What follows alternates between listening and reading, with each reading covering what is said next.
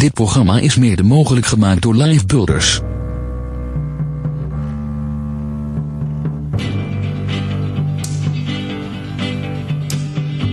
Nobody knows the trouble that I've seen. Nobody knows my sorrow. Nobody knows trouble that I've seen. Glory, hallelujah.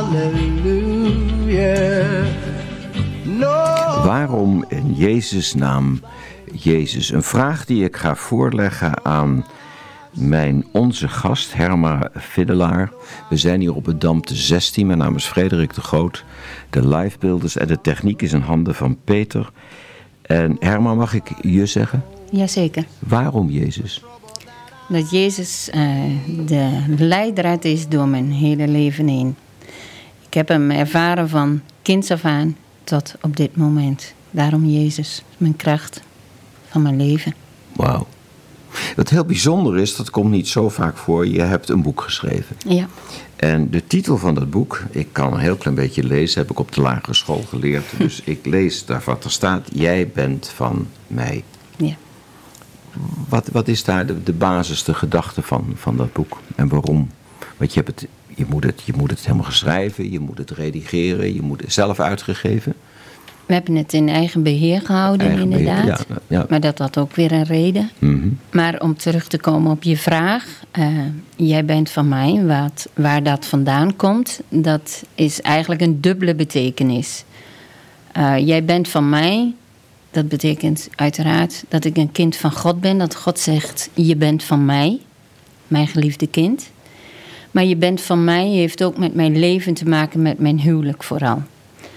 Eh, dat was een eh, mooie tijden, maar ook hele zware tijden. Waarin eh, ja, een stukje macht speelde van je bent van mij. Ja. Daar komt het dus eigenlijk vandaan. Dus het heeft een dubbele betekenis. Ja. Eh, trekken van God, jij bent van mij. En de andere kant het trekken van mijn man, je bent van mij. Ja. En dat is een ja, heel bewogen leven geweest van 33 jaar huwelijk. Eh, zoals je ook wel ziet op de voorkant, de gebrokenheid eh, die dat leven dan met zich foto van een meebrengt. gebroken kruik Ja. en, en handen die uit elkaar. Ja, een gaan. ge- uitgestoken hand van God in Ja. feite. Ja. Maar ook de handen van ons als man en vrouw die Ja. eh, elkaar willen vasthouden, maar elkaar toch Mhm. ja, door de omstandigheden losrukken als het ware. Ja, ik, ik vraag het ook omdat wat me opviel is, er staat jij bent van mij en er staat niet jij bent van mij met een hoofdletter. Vandaar ook, je hebt er al antwoord op gegeven, het heeft een dubbele betekenis. En vo- vo- voordat we daar terechtkomen, die moeilijke jaren en, en alle mooie dingen die daar weer uiteindelijk uit voortgekomen zijn. Wat, wat, wat, wat is je achtergrond als het gaat om het gezin waar je vandaan komt? Ik ben opgegroeid op de Veluwe. Op, eh, onder de rook van Kampen eigenlijk. Dat is eigenlijk eh, Overijssel. Maar eh, de Zanden. Ik weet niet of het jullie bekend is. Kamperveen. De Zanden. Heel klein gehuchtje. Eh, in een gezin van acht kinderen. Mijn ouders waren streng reformatorisch. Waar ik op zich niet echt door eh, gevormd ben in de zin dat ik daar last van heb gehad. Al had ik heel snel wel mijn vragen over bepaalde dingen. Waarom, eh, waarom moest ik een hoedje op en waarom mocht ik zondags helemaal niks? Ik mocht, eh, mocht niet handwerken, ik mocht niet fietsen. Als ik ging wandelen, dan riep mijn vader rustig, Herma, je moet kuieren. Want het is Kuieren, kuieren, mooi, mooi. ja. langzaam en rustig. En, eh, want het is zondag, het is de dag van de Heer. En eh, als ik in de kerk was en eh, er werd, eh, was iemand overleden bijvoorbeeld, dan zei mijn vader. eh, nou, we zullen maar hopen en bidden dat zijn ziel bij de Heer is. Dan zei ik altijd: Ja, maar weet die meneer dat dan niet? Als die meneer iedere zondag in de kerk zit, papa. Dan zei mijn vader: Dat weet niemand. Dat weet alleen de Heer. En dat vond ik zo benauwend, dat, dat beangstigde mij. Dus in die zin had ik altijd vragen. En ik ging eh, naar een schooltje, een heel klein schooltje. En daar zaten drie klassen in één lokaal. Mijn zus zat naast me in de rij in een andere klas. Ik had zeven kinderen in mijn klas. En daar sprak de meester, een hele lieve meester, die sprak over de liefde van Jezus. Dat uh, Jezus op zoek was naar het schaapje dat verloren was en het in liefde in zijn armen nam. En dan ging ik weer naar huis en dan zei ik tegen mijn vader: Ja, maar pa, hoe kan dat nou? Mijn meester zegt dat Jezus liefdevol is. Dat Jezus van elk schaapje houdt en wil dat het bij hem komt en dat hij het in zijn armen draagt. Dan zei mijn vader: Ja, dat is allemaal bedacht, maar zo is het niet. God weet het alleen. God weet het alleen en daar kun je zelf niks aan doen. Je kon ook niet zeg maar een keuze voor God maken. God moest jou kiezen of had jou gekozen, mhm. eigenlijk, ja of nee. En dan moest je maar afwachten. En dan zei hij, en dan ga je netjes naar de kerk zondags twee keer. En als je netjes leeft, wie weet. Dat heeft iets te maken, zeg ik dat goed, met uitverkoren zijn. Ja, Iets te maken met predestinatie. En, weet je ook, want je hebt er heel veel verstand en heel veel uh, gevoel voor. Weet je dan ook uit de Bijbel waar dat vandaan komt? Dat idee van... Uh, vanuit de Bijbel denk ik dat de uitverkiezing uh, te maken heeft met Gods volk. Dat Gods volk uitverkoren is. Mhm. God heeft een speciaal plan met zijn volk. Maar, en hoe ze het ook doen. Uh, Gods volk uh, uh, kent veel strijd en veel tegenstand. En nou, als je ziet alleen al hoe ze vervolgd zijn. En toch heeft God een plan met dat volk uiteindelijk. Want God heeft ze apart gezet. Maar ook heeft hij een plan met ons allemaal daarin. Mhm. Ik denk dat hij ons voordat wij bestonden al uh, had uitgekozen. Hij heeft ons gemaakt, hij heeft ons gewild en hij heeft ons uitgekozen. Maar God weet ook welke keuze wij gaan maken. Mhm. Dat weet hij ook. Ik denk dat alles voor God vast ligt. Dus dan, dan, is de, dan zouden we dus geen vrije wil hebben? Ik denk dat wij wel een vrije wil hebben, maar God weet al wat wij gaan doen. Wij zitten alleen nu nog in dat traject dit, wordt heel diep hoor, maar dus wij denken, wij leven in de illusie dat we een vrije wil hebben. Dus dat is wat je zegt. Ik denk echt dat we een vrije wil hebben. Nee, je zegt dus, we hebben de leven in de illusie dat we een vrije wil hebben, want God weet al hoe het afloopt. God dat weet, is predestinatie, dat is uitverkoren zijn. Dat is wat wij ook doen, wat we ook bedenken. Ook al zouden we tot Jezus willen behoren, tot God willen zijn, nog altijd. God weet wanneer en waartoe. Nou, nee, ik denk uh, dat we elkaar dan niet helemaal goed begrijpen. Want ik denk dat het echt zo is dat we een vrije wil hebben.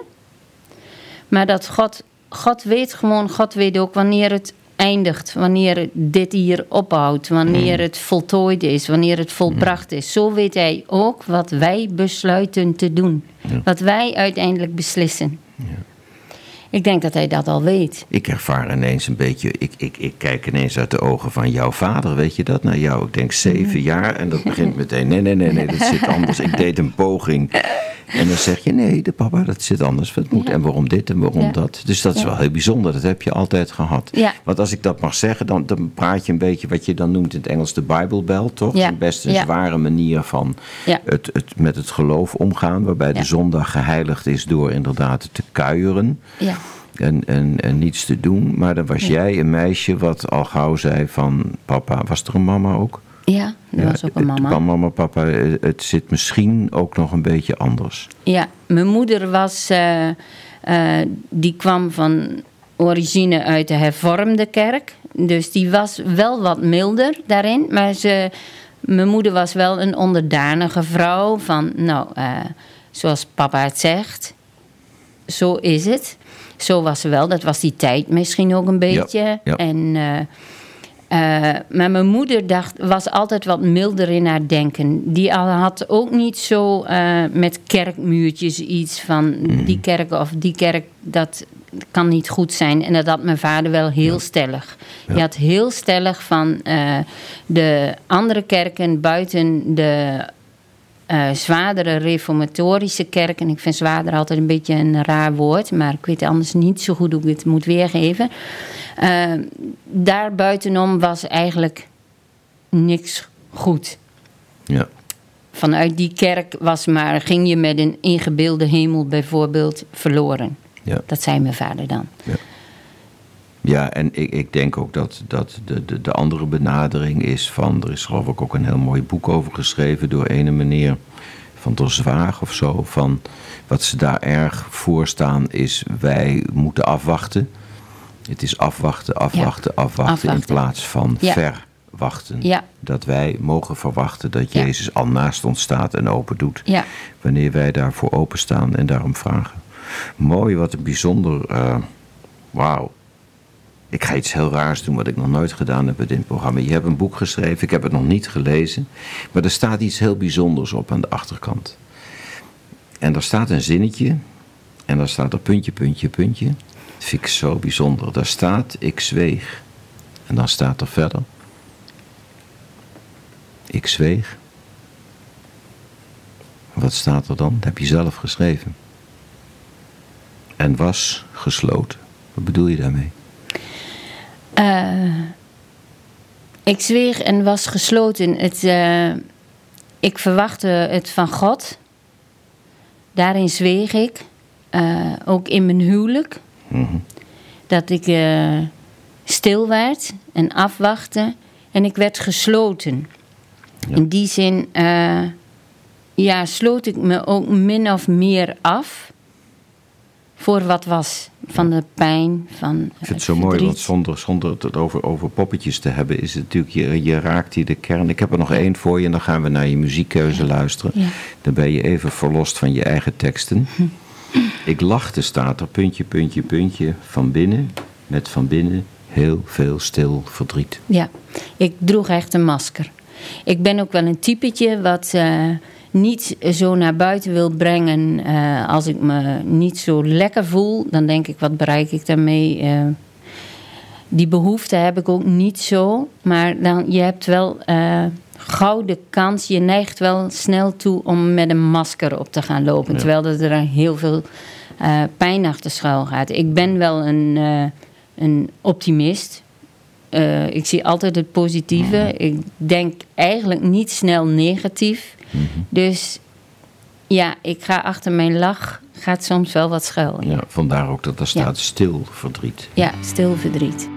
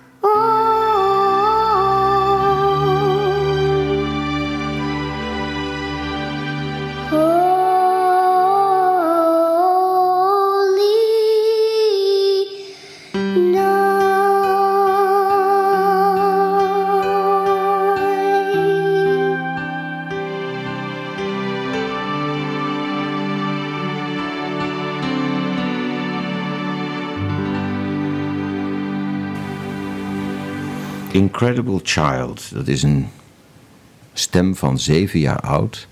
Maar als ik het goed begrijp, weten we niet wie dat zingt. Daar zit geen, geen naam bij. Je hebt een boek geschreven. De levenslange hunkering naar genegenheid, geborgenheid, rechtvaardigheid en echte liefde. Zowel in geloof als in een relatie. En ik begrijp dat, dat, dat die relatie waar onder andere dit boek over gaat heel zwaar geweest is. Wil je daar iets over vertellen? Je hebt er net iets gezegd over ik lachte, maar van binnen stil, stil, heel stil verdriet. Ik twijfelde, staat hier, maar bleef maar hopen. Waar bleef je op hopen? Mijn hoop was dat het goed zou komen. Eh, vooral mijn huwelijk, ons huwelijk, eh, dacht ik, ik ben getrouwd niet om een huwelijk te ontbinden, maar om ervoor te vechten. Eh, en dat heb ik ook altijd gedaan. 33 jaar lang heb ik gevochten voor ons huwelijk. Eh, we hebben natuurlijk hebben we hele goede jaren gehad. We hebben vijf eh, gezonde kinderen gekregen. En dat was ook mooi. Ik ben heel jong getrouwd. Ik was net 16. Mijn man was 17. Ik was zwanger. Toen ik 20 jaar was, hadden we vier kinderen. Dus dat was best wel heel pittig. En toch was ik in die dingen wel gelukkig. Maar het was al vanaf dag één dat mij duidelijk werd eh, dat mijn man een verslaving had. Een seksverslaving. En dat heeft eh, door ons hele huwelijk heen getrokken. eh, met goede momenten, maar ook hele slechte momenten. Eh, ik werd nederig gehouden, eh, onderdanig. Ik moest luisteren. Mijn man was best een hele slimme man, eh, intelligent. En ik keek ook in die zin tegen hem op. Maar wist gewoon dat wat er speelde niet goed was. Er gebeurden dingen onderweg, op zijn werk. Ik werd benaderd door de politie dat er dingen gebeurd waren. Maar ik kon het nooit echt bewijzen. Want als ik het vroeg, dan...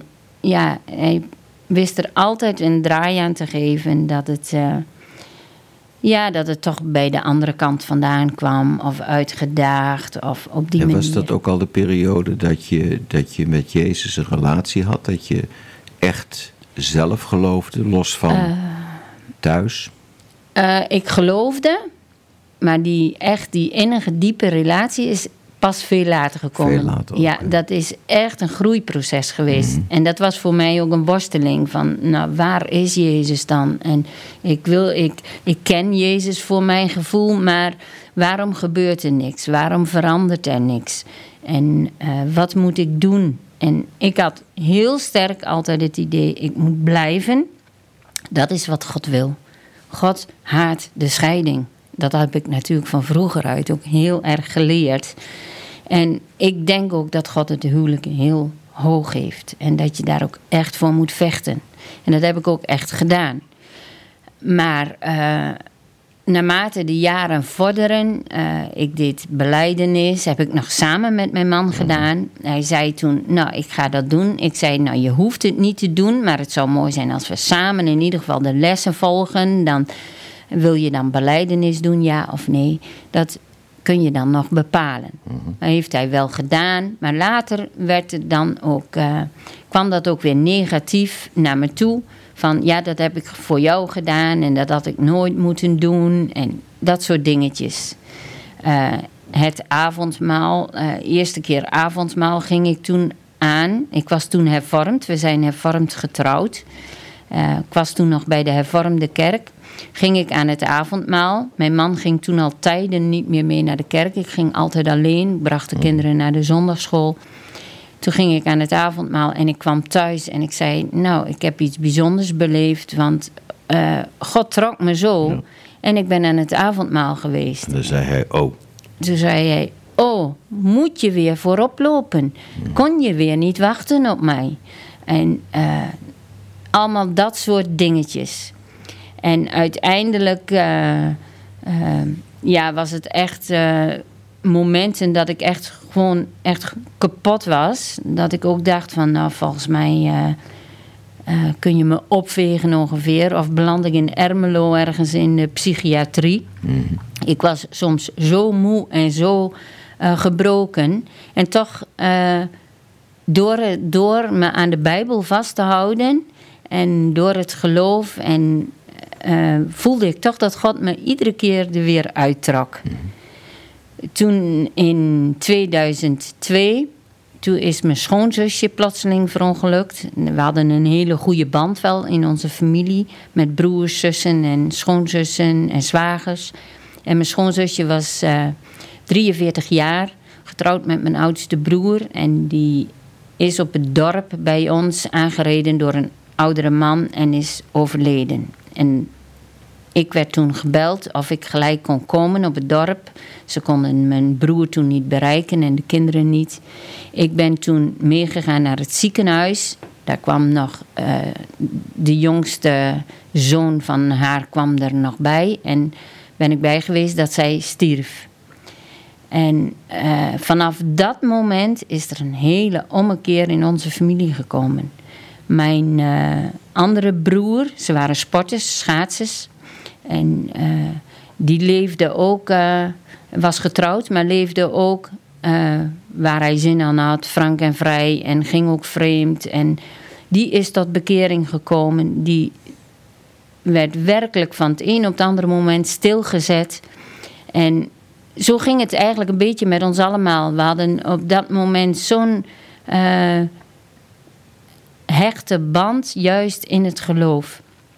En dat werkte precies averechts bij mijn man. ja. Mijn man die zei van, nou zoals het vroeger was, was het goed. En nu zijn ze allemaal in de Heer en het lijkt wel een secte. En Ja. het werd nog Kon je dat heftiger. een beetje begrijpen van hem uit? Of was dat te absurd? Ik kon het begrijpen, want ik denk dat het hem de spiegel voorhield. En eh, dat vond hij heel confronterend voor hemzelf. Want hij moest Maar natuurlijk gedroegen jullie je als een secte? Of was Nee, het, hoor. Dat was niet zo. helemaal Dus niet. dat- Totaal betreft- niet. Ja. Nee, maar Dus we hadden echt wel. een spiegel. Ja, we hadden echt wel het verlangen eh, naar, ja, naar Jezus, in, naar het geloof. Dat, dat kon je heel goed merken. We waren daar ook wel een eenheid in. En toch, eh, mijn man, eh, eh, ja, die kon daar heel slecht mee omgaan. En die ging ook wel naar een aantal in mijn familie die nog reformatorisch Mhm. waren. Die bezocht hij. Daar zocht hij zijn hel. Ja. En dat heeft ook eigenlijk weer een beetje een scheuring in onze familie gebracht. Hij, Want- hij vond jullie ook wat te, te, te vrijgevochten in het geloof. ja. Te, Te vrij. evangelisch ja, en te makkelijk en- evangelisch, ja. te zweverig. En, daar kreeg hij wel voet aan de grond. Dan, daar kreeg hij voet aan de grond. nou wordt het want echt heel wonderlijk. Ja. Ja. Nou wordt het, de relaties worden echt heel lastig, toch? Heel lastig, heel lastig. Want dan krijg je daar ook weer een scheuring. Terwijl dat het altijd goed was. We hebben op zich geen ruzie, want we zijn een familie die echt eh, van harmonie houdt. En toch voel je dat daar eh, ja, een lijn dwars doorheen is gegaan, als het ware. Dat dat toch eh, een soort scheiding heeft gebracht. We accepteren elkaar, maar zoals het vroeger was bij elkaar, is het gewoon, ja, is het, het is anders. Maar eh, uiteindelijk werd in eh, 2003 zat ik in een dienst eh, bij ons in de kerk. Ik was inmiddels vrij evangelisch geworden, want mijn kinderen eh, hadden aangegeven dat ze eh, na verandering van de voorganger bij ons in de vormde kerk het niet zo prettig vonden op de catechisatie of ze met vrienden mee mochten naar de vrij evangelische kerk. Ja. Ik zei dat is prima. En Dus uiteindelijk. via je kinderen Ja. dat je zelf je vrijgemaakt hebt van je verleden. Wat Ja. mooi. Ja, die vraag hoef ik ook niet meer te stellen. Heel bijzonder. Dat is heel bijzonder, ja. En, Ik ga eh, je toch even onderbreken. Het is ja. een hele wonderlijke vraag. Je vertelt heel intiem over de vader van je kinderen. ja, En het zou kunnen zijn dat je kinderen op dit moment luisteren naar het verhaal. Het zou Mhm. kunnen. Hoe vinden ze dat dan? vinden ze moeilijk. Vinden ze heel erg. Het is ook zo, de dingen die gebeurd zijn, die raken mij denk ik ook meer dan dat ze hun raken. Omdat het heel vaak aan de kinderen waren klein, dus heel veel ging ze ook voorbij. Terwijl mijn dochter, die heeft ook wel dingen meegemaakt waaraan ze het heel goed weet. Maar ja, ik weet niet. Ik denk dat eh, het, eh, de binding die je met je ouders hebt, het, ja, ik denk dat het anders is als man-vrouw relatie. Ik denk dat je dat ook eh, heel goed eh, voor ogen Maar moet ondanks, houden. ik vraag het daarom namelijk, dat Ja. ondanks de kinderen vind je het van ontzettend groot belang om het op te schrijven Ja. en ook hier met ons, de luisteraar, te delen. En mag ik vragen, waarom is dat? Omdat ik denk dat de vrouw niet zo bedoeld is. Ik denk niet dat een vrouw in een huwelijk zo bedoeld is om bezit te zijn, om eh, een lustobject te zijn. En eh, ik denk dat je trouw moet zijn aan je vrouw. Ik denk niet dat het de bedoeling is eh, dat de vrouw zo eh, door het leven gaat. Ik denk dat ze zo ook niet tot haar doel komt, zoals God haar heeft bedoeld. Dat, was, dat voel ik zelf ook heel sterk. Ik, ik wil heel graag voor mijn geloof uitkomen. Ik wil heel graag zuiver zijn en puur en echt zijn. En het is heel moeilijk als je in een relatie leeft waar zoiets is. Dat is echt heel moeilijk. Eh, en dat is ook confronterend. En vooral ook voor de kinderen is dat heel lastig. Maar Hm? is het dan zo, sorry dat ik je onderbreek, is, is dat dan zo dat je het ook opgeschreven hebt en nu vertelt om andere vrouwen indirect te zeggen van jongens, dames, zusters, er is een andere weg, laat je niet beperken, knechten in een huwelijk, in een relatie, of, is dat, of is, ben ik te kort door de bocht? Nee, ik denk dat het echt zo is dat eh, ik wil echt vrouwen eh, helpen daarin. Die in een soortgelijke relatie of andere soort verslaving. Er zijn natuurlijk heel veel vormen van verslavingen. Eh, dat vrouwen echt vrouw mogen zijn die ze zijn. Dat ze waardevol en kostbaar zijn voor God. En dat ze tot bloei mogen komen. Eh, en daarin wil ik ze bemoedigen. Niet om te zeggen van ga maar bij je man weg. Helemaal niet.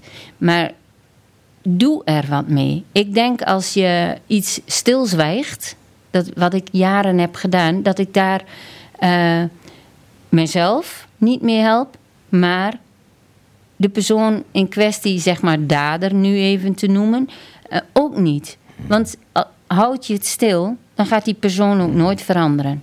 Maar dan praten we hier over een missie. Hè? Ik Ja. gebruik dat woord, jij Ja. niet, maar ik doe dat toch omdat Ja. ik denk dat ik begrijp waar je het over hebt. Mhm. Nou luisteren de vrouwen naar je en die voelen zich bewust of onbewust eh gemuilkorfd, geknecht, eh, niet begrepen, misbruikt zelfs. Als alles dat kan, wat, wat zijn dan de eerste stappen dat jij zegt... Hoe uit je dat? Hoe ga je daarmee om? Zonder, want dat is het bijzondere aan je verhaal en aan je boek. Zonder, en dit is ook naar je kinderen toe als ik dat op dit moment uitspreek, zonder weg te lopen. Ehm, Wat doe je? Wat zeg je? ik zou eh, vrouwen bemoedigen en zeggen: zoek een vertrouwenspersoon in eerste instantie. Of een hele goede vriendin, waar je echt van weet, die, waar je woord vertrouwd bij is. En eh, eventueel eh, pastorale zorg in je kerk. Of, dat zou ik echt gaan doen. Maar dat is dus datgene, dan ga ik even terug naar jouw verleden. Ja. Dat is wat je toen, gok ik even, niet gedaan hebt. Later wel. In het begin had ik dat ook wat minder. Ik was veel thuis. Ik werd ook een beetje thuis gehouden eh, op mijn plekje. Ik, eh, ik had geen werk destijds. Ik, eh, nou, ik was ook druk genoeg natuurlijk met die kinderen. Eh, ik, werd, ik werd ook gewoon een beetje thuis gehouden. Dus ik had ook niet zoveel met vriendinnen. Dat kwam later. En toen zijn ze me enorm tot steun geweest. Als je in de Bijbel leest dat Mozes te moe was om zijn handen nog op te heffen naar de Heer en te vragen. Nou, zo waren zij voor mij een steun om mijn handen en mijn ogen te richten op God. Dat deden zij als het ware voor mij, waar ik het niet meer kon. En dat vind ik echt bijzonder en dat raad ik iedereen aan, want dat, dat heb je gewoon nodig. En daarbij eh, probeer het toch ook met je eh, man, met je partner te bespreken. Ik denk dat je het open moet breken en niet voort moet laten woekeren. Ik denk dat dat echt. Maar is daar een zin, een woord die kunnen helpen dan in die privé-situatie?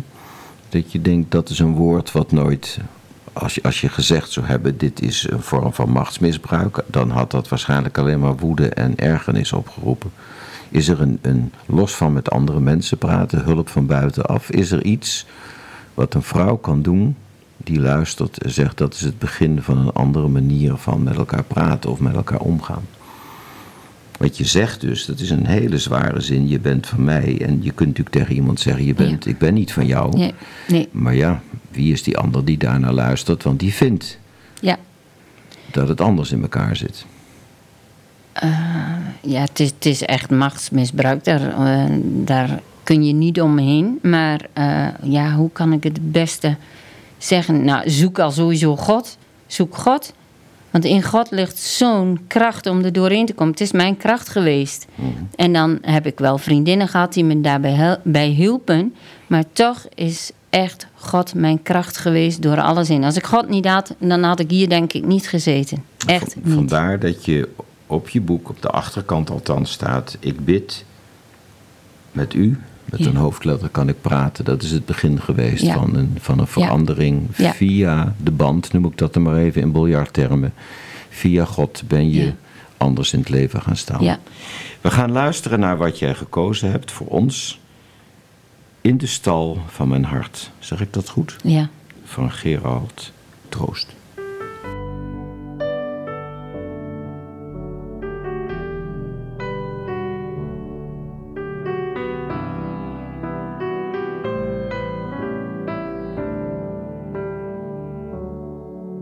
In de stal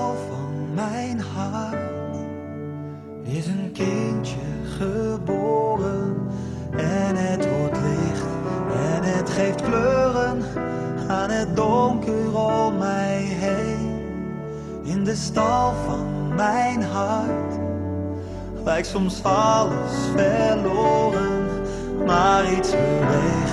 Want er is liefde en het laat mij niet alleen.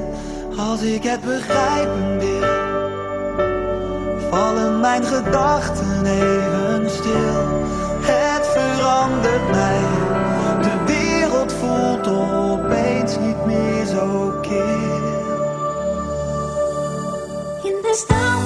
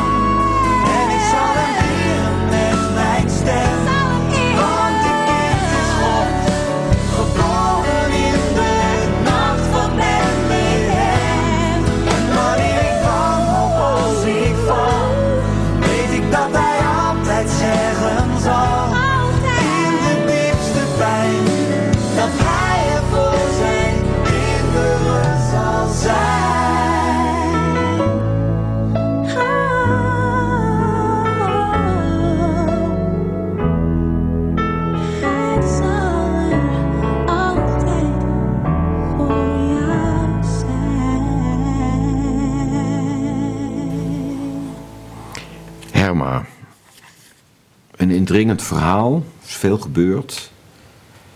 En wat mij betreft maken we een sprong naar voren en tegelijkertijd naar achter. Vrouwenochtenden, hoe moet ik me dat voorstellen? En zeker voor vrouwen die nu luisteren, kunnen ze dan naar je toe? Wanneer zijn die vrouwenochtenden en waarom en waartoe? En hoe gaat dat? Lijkt me prachtig om te horen.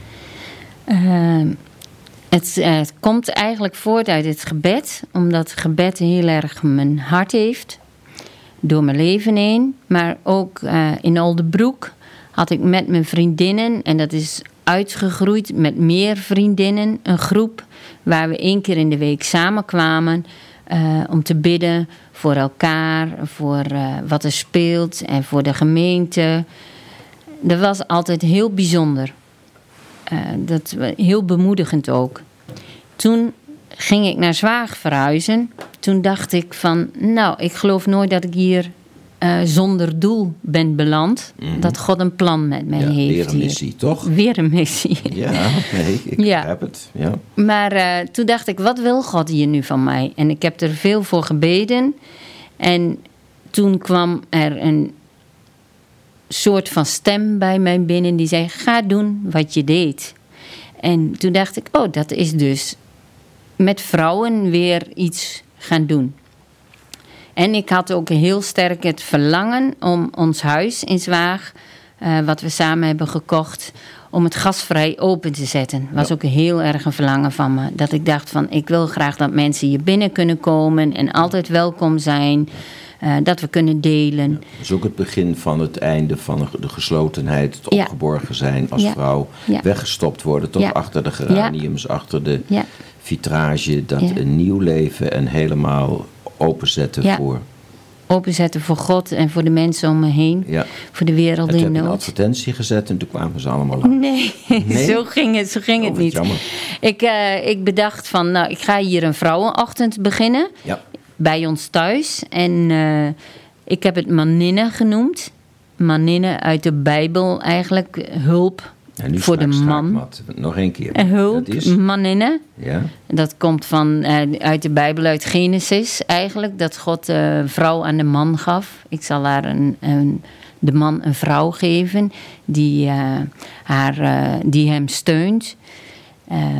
Niet om minder te zijn, maar om naast haar man te staan. Ja. En in die zin heb ik het ook maninnen genoemd. Vrouwen die er kunnen zijn. Vrouwen kunnen gewoon heel veel betekenen voor een gemeente, voor een kerk, als ze samenkomen om te bidden voor de gemeente. Meer in die zin. ja. En ook naar elkaar toe. Want er is gewoon heel veel nood. Het lijkt allemaal prachtig, maar als we achter elke deur konden Ja. kijken, is er gewoon veel. En ik ben dus gestart en we hebben vorig jaar continu met vier kwamen we samen. En dan kun je denken van nou, ontmoedigt dat niet, het wordt niet meer, dan heb je het wel goed gedaan. Maar toch had ik heel sterk het gevoel, volhard. Volhard, blijf bidden, eh, het komt. Want overal waar je iets voor God gaat doen, moet je ook rekenen op weerstand. Ja. Dat is altijd zo. En dat heb ik ook altijd heel sterk ervaren.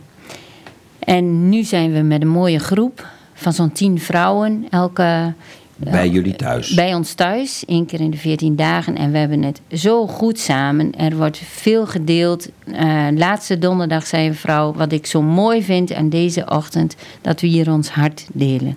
Nou, dat vind ik geweldig.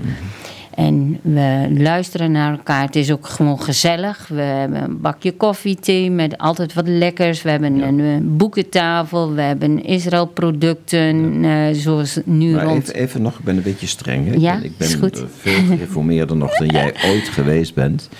Wordt er dan wel even goed gesproken over, zijn er problemen? Worden jullie geknecht? Worden jullie eh, vernederd? Worden Ja. jullie, is dat het nog steeds het thema of is het veranderd in de loop der tijd? Nee, het is nog steeds dat mensen, hun, eh, vrouwen hun hart kunnen eh, luchten. Ze kunnen delen wat er, wat er speelt. En er komt heel veel los. Dat kan ik je vertellen. Dus als er op dit moment vrouwen zijn die luisteren, Ja. dan kunnen ze jou bellen. Ja, En waar bellen ze dan? eh, dan bellen ze naar Herma Fiddelaar. Eh, mijn telefoonnummer, mag ik dat geven? Heel graag zelfs. 06 51 41 45 25. Nog één keer. 06 51, 41, 45, 25. Maar het is natuurlijk best spannend om dan te bellen. En dan kunnen ze iets kwijt over wat ze, wat ze dwars zit. En dan heb je misschien een, een persoonlijk eerste gesprek met ze voordat ze in een grote groep zitten. Of hoe doe je dat? Of? Dat mag. Als ze dat eh, wenselijk vinden, dan is dat altijd goed. De deur staat ook altijd open. Ze zijn elke dag eh, welkom aan de Krijtenslaan 68. Maar eh, je mag ook gewoon op de vrouwenochtend komen. De drempel is heel laag. Ik zeg altijd, mijn huis heeft volgens mij geen drempels. Eh, dus heel welkom. En het is, het is ook gewoon elkaar leren kennen als vrouwen. En dan, eh, als je elkaar leert kennen en een relatie krijgt met elkaar eh, in Jezus, dan, dan breek je vanzelf open. En ik heb ook eh, een paar vrouwen erbij die ook zeggen: Nou, doordat we hier zijn, ben ik gewoon veranderd. Sta ik positiever in het leven en kan ik de dingen anders benaderen. En dat vind ik gewoon zo mooi. Dan denk ik, dat is wat ik zo graag wil. Eh, dat God mij gebruikt om andere vrouwen te helpen. Is jouw observatie dat als mannen slecht, noem ik het dan maar even, met hun vrouw omgaan, dat dat veelal te maken heeft met een verslaving Eh, van zijn kant? Dat, dat heb je een paar keer Ja. gesuggereerd. Ja, ik denk dat het andersom natuurlijk. Er zijn ook vrouwen die, eh, die eh, problemen hebben. Maar hier gaat het dan over de man. Ik denk dat heel veel met verslaving te maken heeft. Maar dat het ook een stukje macht is. Wat mannen eh, uitoefenen. Mhm. Denk ik ook. En nu heb je, als ik het goed begrepen heb, heb je een andere man. Ik heb een andere man. Ja. Ehm, dat is ook heel bijzonder gegaan. Eh, mijn man is overleden en in 2012 door zelfdoding. Maar eh, daarna ben, heb ik een tijdje een vriend gehad, maar dat bleek niet voor mij te zijn.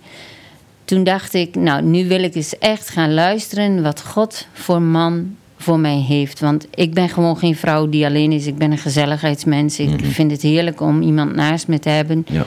Maar ik had ja, zo... is een huis zonder drempels. Dus Ja, maar ik had wel zoiets. Ik wil wel een man die eh, naast me staat, eh, die echt een maatje voor me is. En ik heb me ingeschreven op een christelijke datingsite, waar mijn man ook op zat. En die, zijn vrouw was overleden eh, aan een ernstige ziekte. En zo vonden we elkaar. En nou ja, ik heb gewoon een geweldige man. Nu, Dus die, zag staat je, echt toen deed je me. geen swipe, deed je... maar je denkt, hé, hey, die bewaar ik nog even. Nou, ik was nog wel, eh, ik was wel eh, terughoudend. Omdat ik dacht van, ja, is dit nu de man voor mij? Want hij is best heel anders. Vincent eh, is toch echt een man die anders in het leven stond dan ik gewend was. Hij was hoog opgeleid en ja... in mijn beleving wat een klassiekere man. En eh, ik dacht van, nou, past dat bij mij? Ja. Toen heb ik nog een paar keer inderdaad gezegd van, nou, ik weet het niet. Ja, weg, ja. Maar, Vincent, zei, bleef, Vincent zei, ik ben niet te hoogmoedig als je je bedenkt eh, dat je me weer kunt eh, bellen.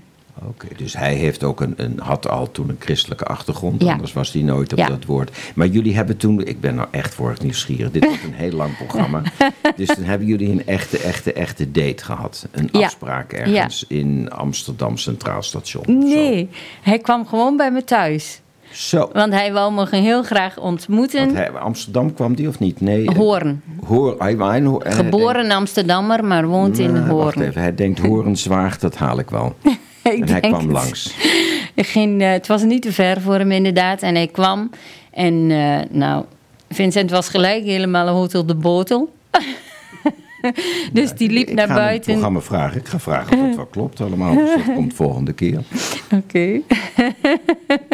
nee, maar hij, eh, hij was gelijk wel overtuigd van... nou, dit vind ik een hele leuke vrouw... die ik wel beter wil leren kennen. En na verloop van tijd hebben we afgesproken in Enkhuizen. En toen werd mijn twijfel echt weggenomen. Ik had s'nachts een droom eh, dat ik een heel groot water zag. En, het, en eh, over dat water zag ik een heel groot licht. Was het een zee van licht. toen ik met hem had afgesproken, reed ik de dijk over. Ik kom nooit aan die kant. Dus, maar dat was voor mij de eerste keer. En ik reed de dijk over en ik zag het water en de zon brak door aan het eind. En toen dacht ik, dit is goed. En vanaf dat moment viel ook alle twijfel weg. Hij zei toen hij me zag van, zo bijzonder, want je straalde van oor tot oor. En dat was echt heel mooi. Uh, en we zijn ook getrouwd in Enkhuizen, een jaar later. Uh, ik zei, ik vind dat zo'n speciale plek. Ik zeg, ik heb zo het gevoel dat God mij daar bevestigde. Het is goed, Wat deze is nou is het jouw eerste man. moment... Ik vraag het ook voor de vrouwengroep, voor de mensen, die vrouwen die luisteren en jou eventueel gaan bellen. Wat is nou het moment dat je denkt, in deze relatie zal er nooit sprake zijn van onevenwichtige gedrag. Hier is geen sprake van. Vincent uh, ziet mij echt zoals ik ben. Ik zie Vincent zoals hij is. Uh, we vinden elkaar heel waardevol. Een waardevolle aanvulling aan elkaar. Geen, uh, niet dat we boven elkaar staan. We staan echt naast mm. elkaar. En we delen het geloof. We bidden samen. We, we praten heel veel over het geloof. Daarin moet ik zeggen uh, dat Vincent ook veranderd is. Vincent zegt, vroeger was ik ook veel meer gesloten. Door jou ben ik opengebloeid. Mm -hmm. Dus ja, we delen daar gewoon in. Het geloof is daar wel het kenmerk van dat dit niet stuk kan gaan. Nee, daar ben ik echt 100% van overtuigd. Waarom jouw keus? How could you say no to this man? En ik neem aan, to this man ja. is niet Vincent. nee. Denk ik niet. ik denk dat het over iemand anders gaat. Waar, hoe kom je, waarom dit nummer? Ik denk gewoon, uh, als je weet wie Jezus is, als je je daar een beetje in verdiept, dan kun je geen nee tegen hem zeggen. Als, je, als hij je leven leidt dwars door zoveel moeite heen, dan kun je nooit nee tegen die Jezus zeggen. Die Jezus die alles voor je over had, voor ons, voor iedereen. Wow. Dus niet alleen voor mij, voor iedereen. Daar gaan we nu ja. naar luisteren.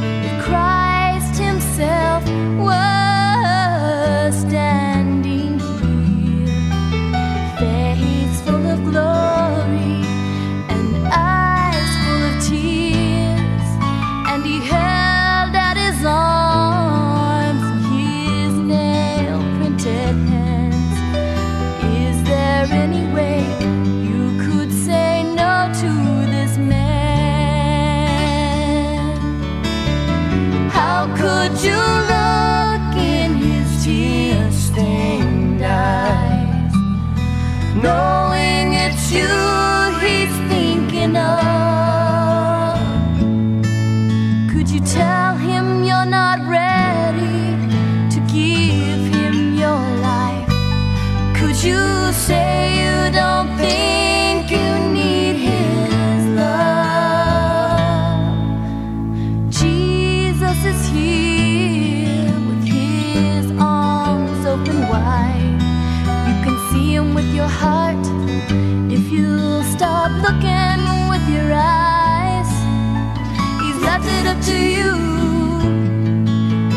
done. Oh.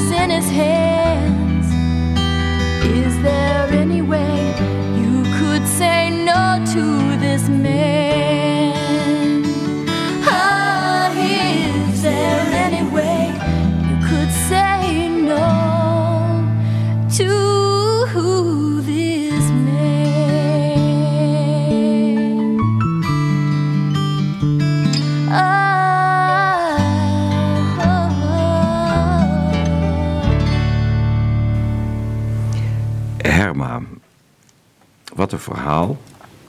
Zoveel gebeurt. En je eindigt op de achterkant van je boek. Ik dank, want Jezus leeft. Puntje, puntje, puntje. Ik ben nooit alleen. En jij en ik weten dat er heel veel, ook vooral vrouwen zijn, die zich ontzettend alleen voelen. Alleen gelaten omdat hun man weg is, alleen gelaten omdat ze een man overleden is, alleen omdat ze altijd al alleen zijn, maar ook in jouw specifieke verhaal alleen omdat ze zich in de nabijheid van een ander zo onvoorstelbaar Ja. alleen kunnen voelen. Misbruikt, niet begrepen, overgeslagen, geneer, genegeerd. En waarschijnlijk, dat weet je als geen ander, komt het in jouw geval misschien niet, maar komt soms dus ook nog uit de eigen jeugd voort. Omdat dat, hè, dus zoals die man zich dan gedraagt, kan het zijn dat de ouders zich ook gedragen hebben, maar dat is psychologie. Wat is dan die stap voor de mensen die nu luisteren, juist voor vrouwen die nu luisteren? Wat is en hoe is die stap naar Jezus? Hoe doe je dat? Eh, dat is op zich helemaal niet een eh, ingewikkelde zaak. Het is gewoon je knieën buigen, je handen opheffen en vragen: Jezus, help mij, kom in mijn hart en help mij op deze moeilijke weg. Want ik denk dat je het meest eenzaam bent als je Jezus niet kent en vooral in gebroken relaties. Ik denk dat Jezus een stukje eenzaamheid in gebroken relaties kan vullen eh, met zijn liefde. En dan zal hij je daar ook bij leiden en mensen sturen. En is dat letterlijk op de knieën, letterlijk je arm omhoog? Of is dat ook figuurlijk dat je je naar binnen kan keren en zeggen: Jezus, God. Is er een verschil tussen Jezus en God? Ehm, het is natuurlijk de eenheid, maar ik vind het ook wel weer het verschil. God is eh, de Vader, Jezus de Zoon die voor ons stierf. Eh, ja, ik vind het. Het is een eenheid. Je kunt tot God bidden, je kunt tot Jezus bidden. Maar er is geen andere weg dan via Jezus natuurlijk. We moeten allemaal naar het kruis met alles wat met heel ons hebben en houden. Het is altijd via. Via, altijd via Ja. Jezus. Ja. Wauw. Ja. Maar ik denk dat de manier van hoe eh, niet uitmaakt. Al is het soms heel bevrijdend om echt op je knieën te gaan en je handen op te heffen. En, en roep het maar uit. Eh, Jezus hoort het altijd. Mooi. We zijn begonnen met eh, de titel van je boek. Jij bent van mij met een kleine letter. Een heel schurende kreet bijna, een hele pijnlijke zin. Jij bent van mij, ik kan het bijna horen. En het is geworden aan het eind van de uitzending. Jij bent van mij met een hoofdletter. Ja. Ik vind het heel mooi, dank je wel dat je, dat je met ons hebt eh, met willen praten. Radio Bontekoe, waarom in Jezus naam Jezus? En eh, ik heb één vraag aan je. Voor de mensen die nu luisteren, nog één keer een telefoonnummer. Omdat ze je misschien zouden willen bellen, omdat bij jou de koffie altijd warm is en de drempels laag. 06 51, 41, 25, 45. in Zwaag. Ja, Dank je wel voor dit gesprek. graag gedaan. Nobody knows the trouble that I've seen. Nobody knows my sorrow. Nobody knows the trouble that I've seen. Glory, hallelujah. Nobody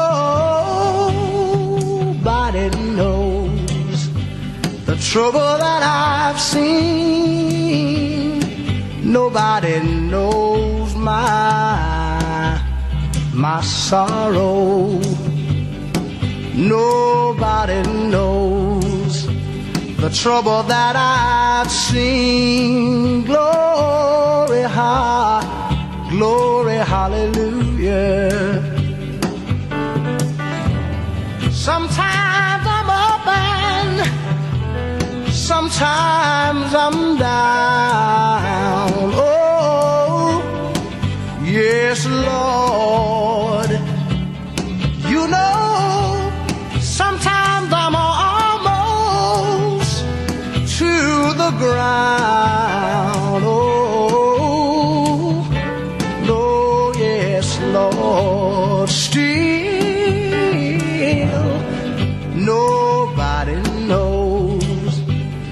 Trouble that I've seen. Nobody, nobody knows my my sorrow. Nobody knows the trouble that I've seen.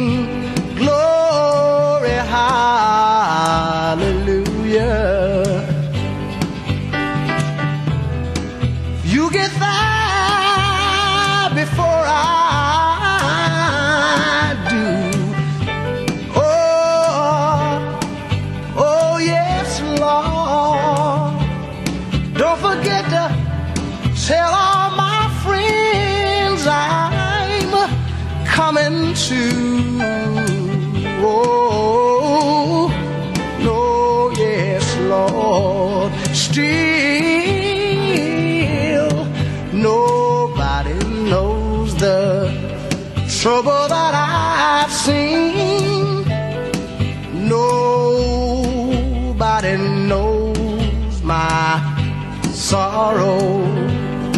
Nobody knows the trouble that I've seen. Glory, ha, hallelujah.